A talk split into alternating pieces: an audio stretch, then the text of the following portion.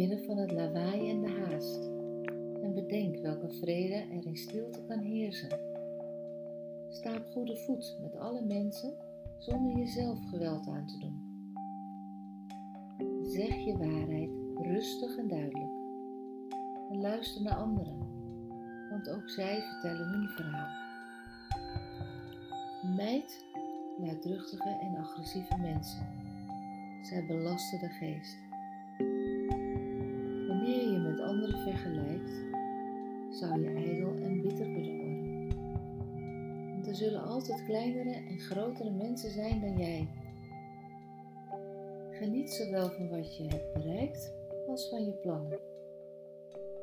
En blijf belangstelling hebben voor je eigen werk, hoe nederig dat ook mogen zijn. Het is een werkelijk bezit in het veranderlijk fortuin van deze tijd. Tracht voorzichtigheid bij het zaken doen, want de wereld is vol bedrog. Maar laat dit je niet verblinden. Want er zijn nog steeds mensen met hoge idealen en overal is het leven vol heldendom. Wees jezelf en feit vooral geen genegenheid, maar wees evenmin cynisch over de liefde. Want bij alle dorheid en ontevredenheid is hij eeuwig als het gras. Volg de loop der jaren met gratie. Verlang niet naar een tijd die achter je ligt. En kweek geestkracht om bij onverwachte tegenslag beschermd te zijn. Maar verdriet jezelf niet met spookbeelden. Met vele angsten worden uit vermoeidheid en eenzaamheid geboren.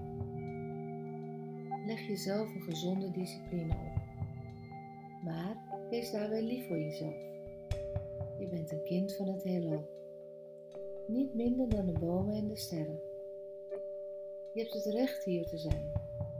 En ook al is het je af en toe niet duidelijk, toch ontvouwt het heelal zich zoals het zich ontvouwt. En zo is het goed. Heb daarom vrede met God, hoe je ook denkt dat Hij mogen zijn en wat je werk en appreciaties ook mogen zijn. Houd vrede met je ziel in de lawaaierige verwarring van het leven. Met al zijn klatergoud, somberheid en vervlogen dromen is die nog steeds een prachtige wereld. Waarachtig, wees waarachtig en streef naar geluk